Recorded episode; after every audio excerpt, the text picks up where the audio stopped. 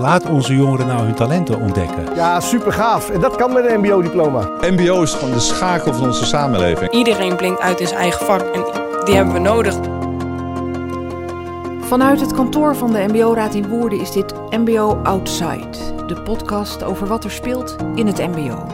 Het MBO als waardevolle opleiding, unieke kennispartner, opleider van toekomstige onmisbare werknemers en, last but not least, goede werkgever. Ik ben Esther de Hek, voormalig radiojournalist, nog steeds interviewer en moeder van een MBO'er. En dit zorgt ervoor dat ik afgelopen jaren echt van het MBO ben gaan houden en de enorme waarde ervan ging inzien. Het MBO verdient een ereplek in onderwijsland en mag volop schitteren. En dat gebeurt dan ook in deze podcast, waarin ik iedere aflevering op zijn werkkamer Adnan Tekin ontmoet, de voorzitter van de MBO-raad. In deze aflevering van MBO Outside is naast Adnan ook Kilian Blom te gast. Hij is MBO-student en de landelijke ambassadeur van het MBO. Het gesprek met hen gaat over een onderwerp dat niet genoeg de aandacht kan krijgen, namelijk hoe krijgen ook MBO'ers in de samenleving optimale, dus de beste kansen.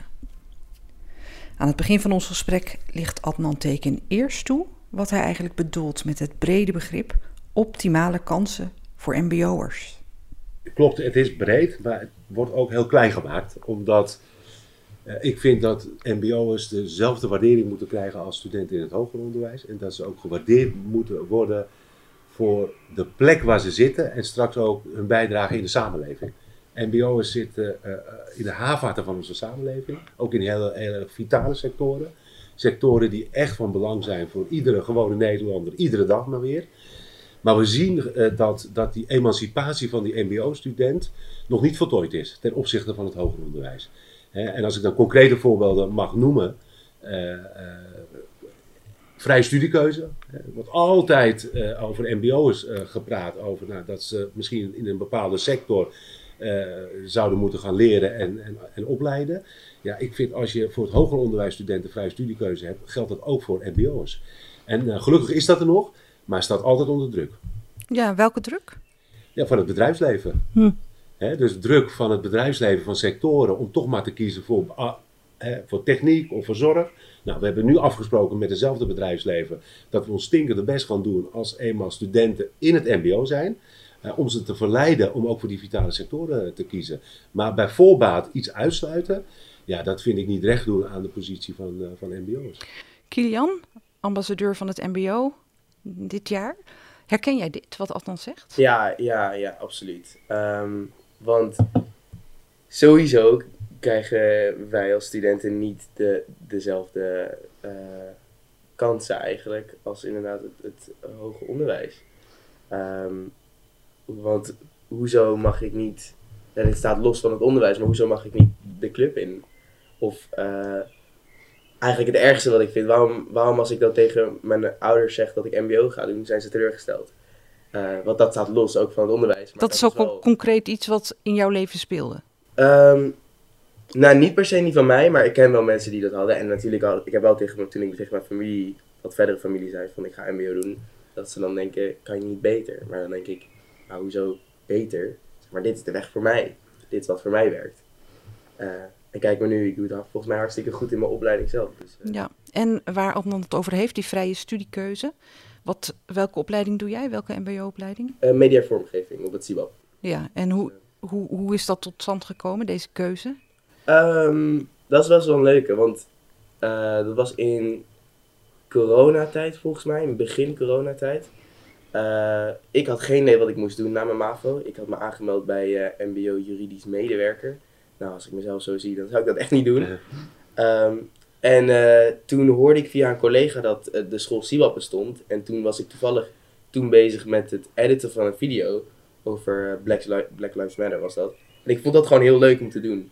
Dus toen had ik me daar aangemeld. En toen had ik gewoon zoiets van, nou, ik, ja, ik denk dat dit het niet wordt, juridisch. Ik denk dat ik dat gewoon uh, ik denk dat ik wel juridisch medewerker uiteindelijk word, omdat ik niet, niet word toch toegelaten bij CIWAP.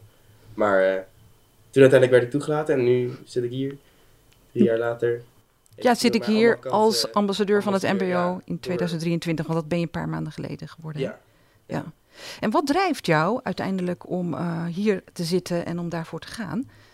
Misschien ook wel qua Ehm, thema, qua thematiek? Vooral de, de, de ongelijkheid die er is. Ehm, want ik, ik vind gewoon dat MBO'ers op meer eh, dezelfde kansen verdienen als. Dus jou drijft het streven naar gelijkwaardigheid? Ja. Zeg maar een Ja. andere formulering van ongelijkheid. Ja, eh, en gelijke kansen. Ja. En, en wa- waarom drijft jou dat zo? Is dat iets wat in je Ehm. persoonlijk leven heeft gespeeld, of wat je om je heen ziet? Waarom? Eh, dat komt in combinatie met dat ik geloof dat ik ben gewoon zo iemand die wel opkomt voor eh, maatschappelijke problemen. Ehm, maar ook omdat ik vind dat een vorm van ongelijkheid gewoon. Ja, ik heb, ook, ik heb zelf ook te maken met andere vormen van ongelijkheid. En ik vind dat gewoon heel erg kwalijk. Ja, nou zeg je iets, maar eh, Mijn moeder is uh, Antilliaans, dus ik ben eh, getint. Dus ik heb ook natuurlijk daar ehm, wel mee te maken. Ook al niet zo heel erg. Ik vind dat ik daar zelf niet over, mag klagen.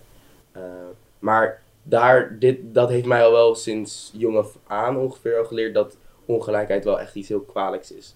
Dus elke vorm van ongelijkheid is, wil ik wel gewoon wat aan doen. En nu onderwijsongelijkheid, dan als ik die kans heb om dat aan te pakken, dan wil ik dat gewoon aanpakken. Adnan? Ja, heel kenbaar wat eh, Kilian eh, zegt. Ook over jouw eh, je eigen, eigen situatie. We zien dat ook terug hè, rondom eh, stagediscriminatie. Dat toch jongeren die eh, of een beperking hebben of een, eh, een andere achtergrond hebben, dat die veel harder hun best moeten doen om een eh, stageplek eh, te krijgen. Sommigen lukt het niet eens. En dat is wel heel erg kwalijk, omdat het stage lopen het hart van het MBO is. Hè? Dus zonder een stage krijg je eh, geen MBO-diploma. Nee. En, en om daar paal en perk aan te stellen, ja, dat is nog wel een hele uitdaging. Hè? Maar goed. En dat zijn gewoon de feiten. Want je zou zeggen, dit is ook een verhaal zeg maar, wat we vaak horen, wat ook wel in Ja. verhouding veel aandacht heeft, maar dat blijft doorgaan. En ik vind het heel erg jammer, want juist in deze arbeidsmarktkrapte eh, roep ik ook die werkgevers op om juist hierin te investeren. Hè? De, de huidige eh, stagiaires zijn hun werknemers van de toekomst. Dus ik vind het ook een beetje ja, dom van de werkgevers om dat niet te doen, om iedereen welkom te heten. Want ja, die, die krappe arbeidsmarkt die blijft ook nog de komende jaren bestaan. Hè. Ook al gaan we wellicht ook een recessie tegemoet in Nederland. Er blijft een krappe arbeidsmarkt bestaan. Dus ook, ik roep, roep ook nu weer hier nogmaals eh, de werkgevers op om daar eh, heel slim mee om te gaan.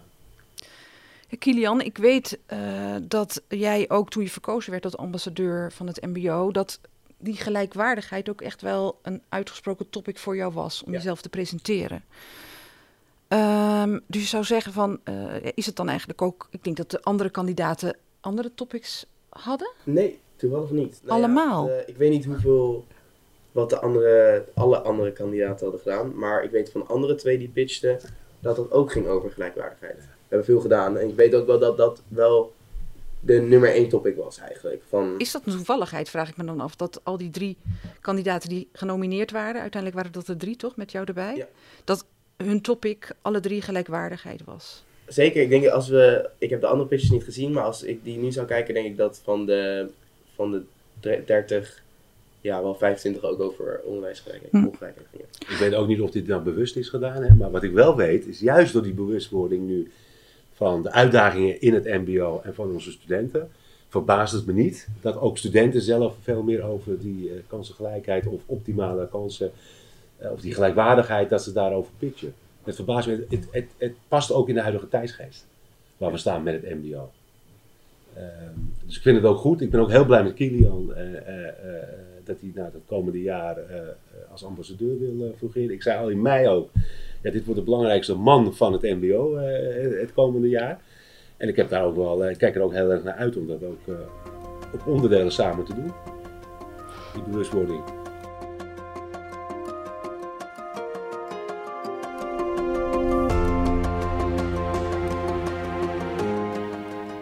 Gelijkwaardigheid voor MBO-studenten is vandaag de dag een hot thema. Het leeft ook onder studenten, zeg jij Adnan, en dat signaleer jij ook, Kilian, dat zie jij om je heen. Terwijl ik denk, het is al een aantal jaar een thema dat breed op de agenda staat. Ook van de beleidsmakers, ook van de organisaties uit het ministerie bijvoorbeeld die daaraan wat, wat willen veranderen. Ehm, wat Adnan, zie jij afgelopen, zag jij afgelopen jaren al wel ten goede veranderen? Laten we daar eens over hebben. Wat er al ten goede veranderde. Even mijn persoonlijke verhaal. Ik heb ook tien jaar geleden op station Lelylaan handtekeningen opgehaald, zodat MBO-studenten ook in aanmerking zouden kunnen komen voor studiefinanciering en de OV-jaarkaart. Nou, dat is gelukt. Hè. Dus sinds een paar jaar heten onze studenten geen leerlingen meer, maar zijn het studenten. En eh, kunnen ze gebruik maken van studiefinanciering en, en, en de OV-jaarkaart. Nou, ik denk dat dat hele belangrijke signalen zijn, want dan doe je ook een beetje volwaardig mee, ook met die uh, hoger onderwijsstudenten. Wat er concreet hè, de afgelopen uh, tijd is gebeurd, heel concreet vind ik die artikel 1. Hè, dat je dus niet meer mag discrimineren op basis van opleidingsniveau. Nou, dat hebben wij ook aangekaart naar aanleiding van ervaring in Utrecht. Nou, daar is de politiek mee aan de haal gegaan. Daar heeft deze minister ook van gezegd, nou, ik ga dat veranderen. En we hadden net een hele serie, een, een hele slag gemaakt met die artikel 1. Hè. Dat was door de Eerste Kamer. Nou, en dan zie je dat deze er gelijk bij komt. En aan de andere kant vind ik het jammer dat het nodig is. Dat dat dus nog nodig is om dat in de wet te regelen, eh, anno 2023. Maar ja, de realiteit is anders helaas. Dus, dus moeten we het wel een, een wettelijke basis geven om nou, dat soort discriminatie ook uh, strafbaar. Uh, ja, je bedoelt er is dus blijkbaar een probleem waar we uh, wetten en regels op moeten ja. zetten. Ja. ja. Dat is wel zonde natuurlijk inderdaad. Die mening, de, die mening deel ik wel. ik heb toevallig gisteren ook met Krotar gezeten van GroenLinks, Tweede Kamerlid. En toen hadden wij het ook over die artikel 1 van de grondwet. En toen zei ik wel als tegenargument van, uh, zij zei ja, laten we dan ook onderwijs, onderwijs discriminatie. Ja, op, op, op opleidingsniveau. Ja. Als, in, de grond, ja, in de grondwet zetten. En toen zei ik als, als tegenargument van, ontneem je dan niet de, de, het recht van de werkgever om ook als op opleidingsniveau te filteren? Dat, dat dacht ik, maar ik ben geen juridisch medewerker. Dus het kan zijn dat je, hoe dat werkt. Ja, kijk, het is echt geboren uit die ervaring in Utrecht. Hè, dus dat gewoon MBO-studenten met een MBO-kaart niet naar binnen mochten. Ja. Hè, dat, is, dat is het ontstaansgeschiedenis. En ik denk dat we hem ook daarvoor echt ja, wel moeten gebruiken. Ja. Ik vind die werkgeverskant vind ik iets, iets, iets, iets andere, want ik zie een andere ontwikkeling. Er zijn heel veel banen in het MBO uh, beschikbaar. Maar ik zie ook de druk dat de, de, de vroegere uh, MBO-banen nu HBO-banen zijn geworden. Daar maak ik me ook best wel zorgen over. En dat klopt ook wel, er wordt meer geëist van de werknemer in deze huidige tijd. Hè? Maar om dan een MBO-baan op te graden naar een HBO-baan, hè? Dus dat je een HBO-opleidingsniveau moet hebben, vind ik nog wel zorgelijk. Ja, we waren bezig met positieve ontwikkelingen, maar dan komt er toch weer uh, ja, in de loop van het gesprek toch weer. Uh, ja als een duveltje uit een doosje. Ja. Maar in hoeverre is dat zo eigenlijk een negatieve ontwikkeling? Ja, nou, ik heb nog een hele rij, want ik, jammer genoeg. Hè. Nee, maar het is, is, is dat ook weer over dat, dat woord gesproken veelzeggend? Dus is de realiteit gewoon weer barstig? Ja, de realiteit was omdat natuurlijk ook onze samenleving heel erg is ingeënt op hoger is beter. Dus je ziet het ook weer terug, hè, als je dat dan terugredeneert naar concrete uh, voorbeelden. Uh, en ik praat ook niet meer over hoog en laag in mijn werk. Ik zeg gewoon, wij zijn beroepsonderwijs. Ja, onderwijstype. Ja, gewoon beroepsonderwijs. Ja. En of het nou een M voor staat of een H voor staat, maakt mij helemaal niks uit. We zijn gewoon beroepsonderwijs. Ja. ja. Ja. in Kilian, als het gaat over die uh, toch even positieve verbeteringen. Ja. Uh, hoe lang ben jij nu MBO-student? Uh, drie jaar. Ja. Wat heb jij wellicht in drie jaar toch ten goede zien veranderen? Als het gaat om gelijkwaardigheid, optimale kansen voor MBO'ers? Dat is een lastige, want ik heb zien veranderen. Ik kan, die, ik kan die vragen niet beantwoorden, want ik heb de eerste twee jaar eigenlijk nauwelijks, uh, ben ik nauwelijks student geweest, omdat de corona... Die corona. Dus uh, ik ben eigenlijk, dit is mijn eerste jaar eigenlijk echt student. Um, Bewustwording wellicht, zat ik zelf aan te denken. Ja. Het feit dat die andere drie, kan, jij inclusief uh, de anderen allemaal gelijkwaardigheid als topic hadden in die ambassadeursverkiezing. Ja, ja dat wel. Het is inderdaad bewustwording. Um, niet alleen ik, maar ook ook mijn medestudenten. Ja, en dat, dat, ja, hoe merk je dat concreet, jij en je medestudenten, die bewustwording? Um, dat, we een, dat er een soort, misschien wel polarisatie ontstaat rond tussen mbo en hbo en wo. Dus wat ik merk is dat wij kunnen soms wel eens gesprekken hebben in de pauze. Bijvoorbeeld over ehm, eh, waarom HBO, waarom dat niet leuk is of zo. Dat hadden we wel eens, zeg maar gewoon. eh, en dat is ook onderdeel van die bewustwording, zeg maar. Van wij, wij, wij weten nu van MBO is niet minder. Dus daarom gaan we er tegen compenseren. De emancipatie van de MBO'ers. Zeker. Wij kunnen heel veel leren hè, eh, als organisatie, maar ook onze studenten en onze scholen kunnen nog heel veel leren hoe die emancipatie van die HBO-student eh, eh, zich heeft voltrokken. Hè. Want de HBO-studenten die beachten op de WO-studenten 20 jaar, 25 jaar geleden. Nou, en wij lopen daar nu, hè, we- eisen dezelfde rechten als de HBO-studenten, dus we moeten ook echt van elkaar kunnen leren. Nou, even één voorbeeld eh, te geven, en dat heeft ook te maken met die bewustwording. Dat zijn de, de hoogte van de stagevergoedingen. Hè, het is nu veel meer ook in het snotje bij heel veel mensen dat eh, eh, MBO'ers of geen stagevergoeding krijgen. En als ze het krijgen, dat het minder is als de HBO-student. Ja. je ziet dus dat we steeds meer aan het bewegen zijn naar dat Ja. iedere eh, eh, MBO-student een stagevergoeding krijgen. En op dezelfde hoogte van eh HBO-studenten. Ik vind het een één klein voorbeeld. Het is een klein voorbeeld, maar met een grote impact op onze studenten. Ja. En waarom? Omdat onze studenten al heel veel stageuren lopen en wat minder kans hebben om eh, eh, daarnaast te werken.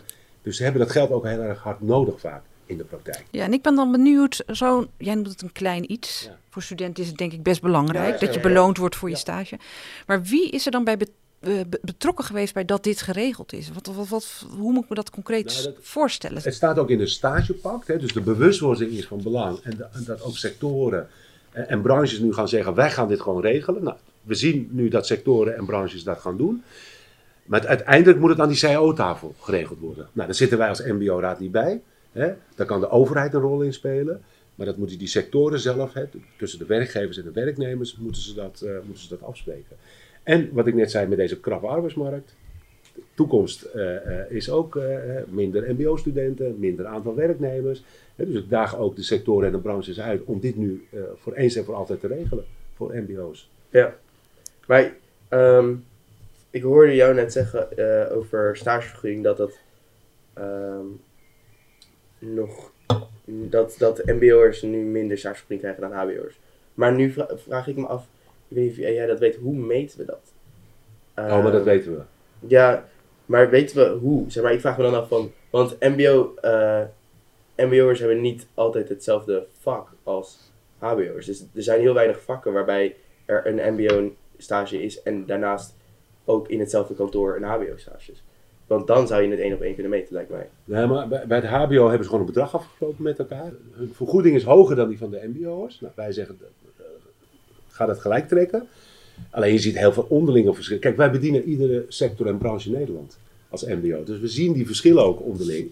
En wij zeggen, nou, trek dat nou gelijk ook met, eh, eh, eh, überhaupt geef een stagevergoeding. En trek dat gelijk met de hoogte van de HBO-student. Ja, ja. En dat kunnen wij goed meten hoor. We kunnen Ja. dat goed meten, we kunnen dat goed zien. Ehm, nog één vraag wat betreft dat ervaren van die, eh, misschien nog wel meerdere hoor, Kilian, maar nu is specifiek voor jou als MBO het ervaren van die eh, ongelijkwaardigheid. Maakt je dat wel eens ehm, pissig? Ehm, ja en nee, eigenlijk.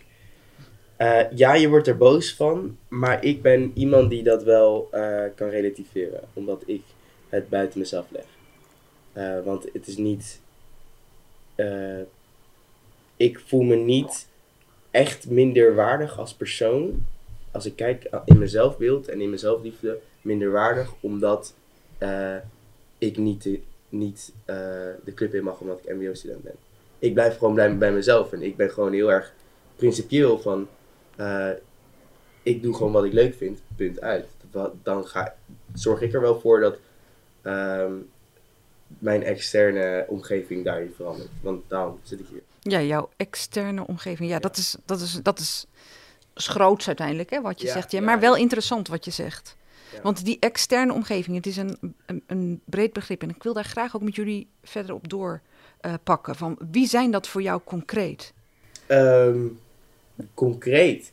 Je zou eigenlijk zeggen de, de vader, moeder eh, van de mbo-studenten nu, maar ook van de leerlingen die nu op het MAVO zitten of op het VWO. Ja, ja, dus dat is één concreet voorbeeld. Want, wat je eer... hebben- impact op eh, de keuze en op de keuze die de, die de leerling maakt.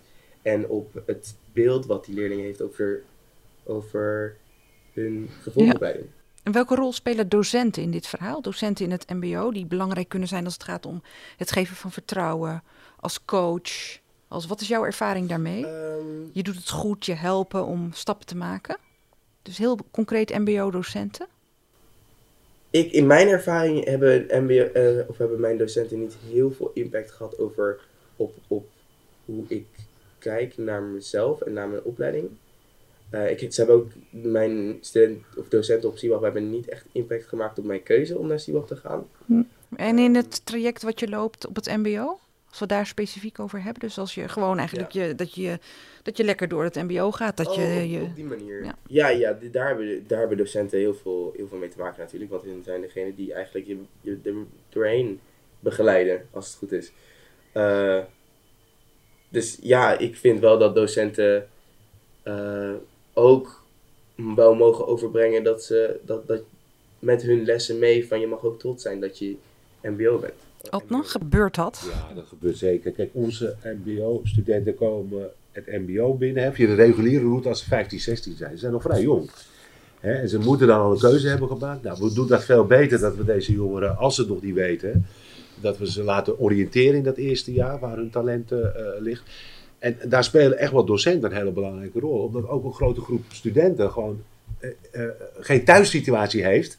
Of een optimale thuissituatie heeft waar dat pedagogisch, didactische en dat leren eh, heel erg op de voorgrond eh, staat.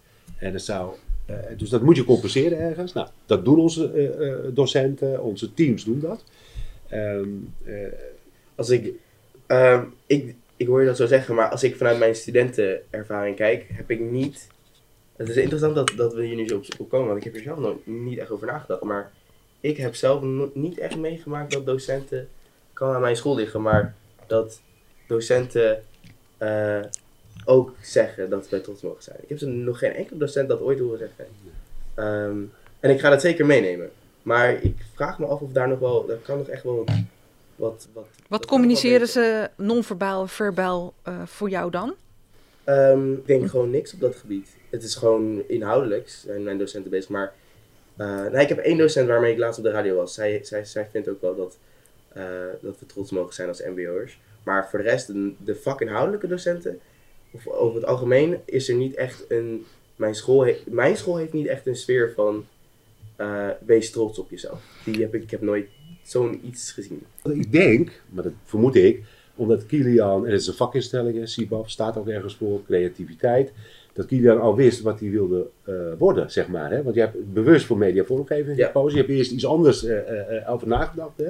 sociaal-juridische dienstverlening volgens mij. Ja. Maar omdat je dat wist, ja, maakt het voor jou ook wat makkelijker. En dus ook wat makkelijker voor de docent om dat te doen. Maar er zijn een hele grote groep studenten van ons die absoluut nu nog niet weten op 15, 16-jarige leeftijd waar hun talenten liggen. En voor hun is het wel van belang dat ze daar wel de juiste ondersteuning bij krijgen vanuit school om tot een goede keuze te komen. Ja, maar Kilian zegt, ik heb ze, ik, in- op, in on- on- onze opleiding is, is, voor zover hij weet, zijn de docenten niet bewust bezig met te communiceren van wees trots en ga door.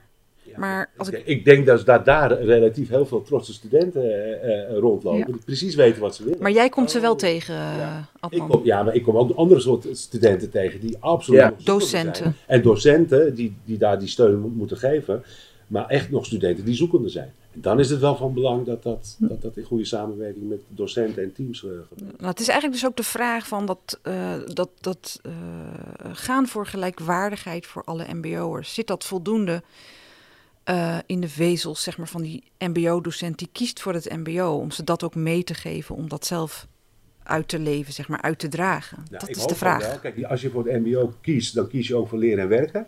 Dat is echt het unieke van het MBO, denk ik. Als docent bedoel jij? Ja, als docent. Ja. Ja. We hebben ook heel veel hybride docenten, die dus eerst in het bedrijfsleven he- hebben gewerkt. Dat is ook bij SIBAB het geval. Ik ben er ook een paar keer geweest. Die dan de overstap maken naar, eh, naar het onderwijs. En juist die zouden eh, het vak, het beroep, de sector, de branche, die trots zouden ze ook moeten meenemen naar zo'n school, in zo'n school, om dat over te brengen aan, eh, aan, eh, aan de studenten. En dan maakt het mij dus helemaal niet uit of dat het middelbaar beroepsonderwijs is of het hoger beroepsonderwijs. Het is gewoon het beroepsonderwijs. Maar Kilian, het brengt jou eigenlijk op een idee. Ja, inderdaad. Ehm, wat ik bedenk me dan nu inderdaad dat eh, docenten ook een cruciale rol kunnen spelen in eh, eh, de houding van eh, studenten tegenover hunzelf eigenlijk.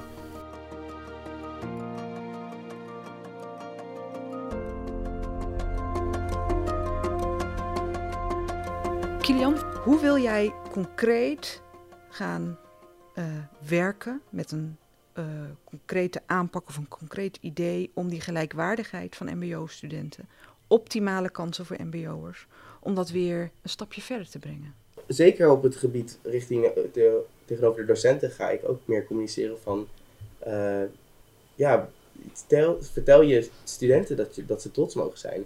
En ook eh, dat, ik weet niet hoe, of dat gebeurt, maar er zouden ook vast docenten tussen zitten die zelf het gevoel hebben dat, dat misschien eh, het MBO minder is of zo. Ik denk dat die er ook wel zijn, wat heel gek is, want ze werken er natuurlijk zelf in.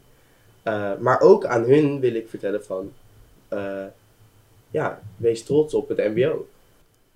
Het zijn ook allemaal mensen. Hè? En het MBO is, hè, een school is gewoon een mini-samenleving.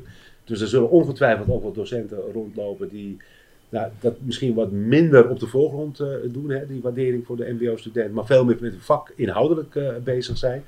Maar goed, eh, iedere docent is ook een ambassadeur voor het MBO. En dus ook een ambassadeur voor de studenten. Dus ja, graag hoe meer, eh, hoe meer we dat kunnen eh, steunen, eh, een platform en een podium kunnen geven, ja, dat gaat ons natuurlijk als sector eh, verder helpen.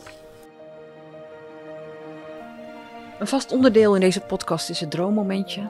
Daar sluiten we dan ook mee af. Eh, wat is het droommoment? Jullie mogen even drie tot vijf seconden je ogen sluiten. En dan gaan nadenken over de vraag: ehm, eh, hoe ziet een MBO-wereld voor studenten, docenten, andere betrokkenen eruit, waar er gelijkwaardigheid is? Ga jullie gang. Ik zie een eh, soort. Ik, zie, ik, kijk, ik ben een beelddenker, dus ik, ik, denk, ik eh, kijk heel letterlijk ergens naartoe. Ehm, maar ik zie een soort campus ehm, met daarin universiteit, eh, een MBO-school en HBO-school eigenlijk allemaal bij elkaar. Ehm, en waarbij in, in het middenplein eh, al die studenten meeten met elkaar. Eh, en gewoon allemaal vrienden zijn. En je hebt clubs met creatieve sectoren. Eh, en je hebt niemand die de ander minderwaardig vindt of wat dan ook. En ja, eigenlijk dat. Dat is eigenlijk het, ideaalbeeld. Een soort focus op het onderwijs alleen en niet het niveau eigenlijk. Wat het ook niet is. Het is een type, type onderwijs natuurlijk. Mooi beeld ook. eh Ja. Zo één grote campus. En, Ja. eh, en iedereen kroelt eh, do- door elkaar. En je weet niet wie een MBO, een HBO of een Ja. WO er is. Ja, Eigenlijk prima, zou het niet eens uitmaken. Nee, dat zou je helemaal niet moeten uitmaken. Mooi. Een beetje een eigen droom. Ik, ik hou ook van beelden. En ik vind het beeld wat ik eh, een paar maanden geleden op tv zag, dat een MBO-student eh, op beeld zei dat hij niet durfde te vertellen op een verjaardagsfeestje dat hij MBO deed. Ja, ik wil af van dat beeld. Ik vind dat iedere MBO-student met trots eh, op een verjaardagsfeestje mag vertellen wat hij of zij aan het doen is. Dat zou mijn eh, eh, droom zijn Dus hoe zie jij die student op dat feestje staan? vol trots ergens in het midden uitleggen hoe hij of zij haar talenten kan ontwikkelen op het MBO, waar zij of hij naartoe wil en wat voor betekenis en waarde hij of zij voor de samenleving heeft.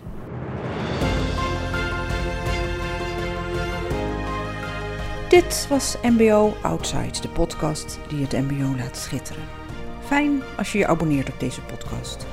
Of MBO Outside waardeert met de beoordeling of recensie. Tot de volgende aflevering.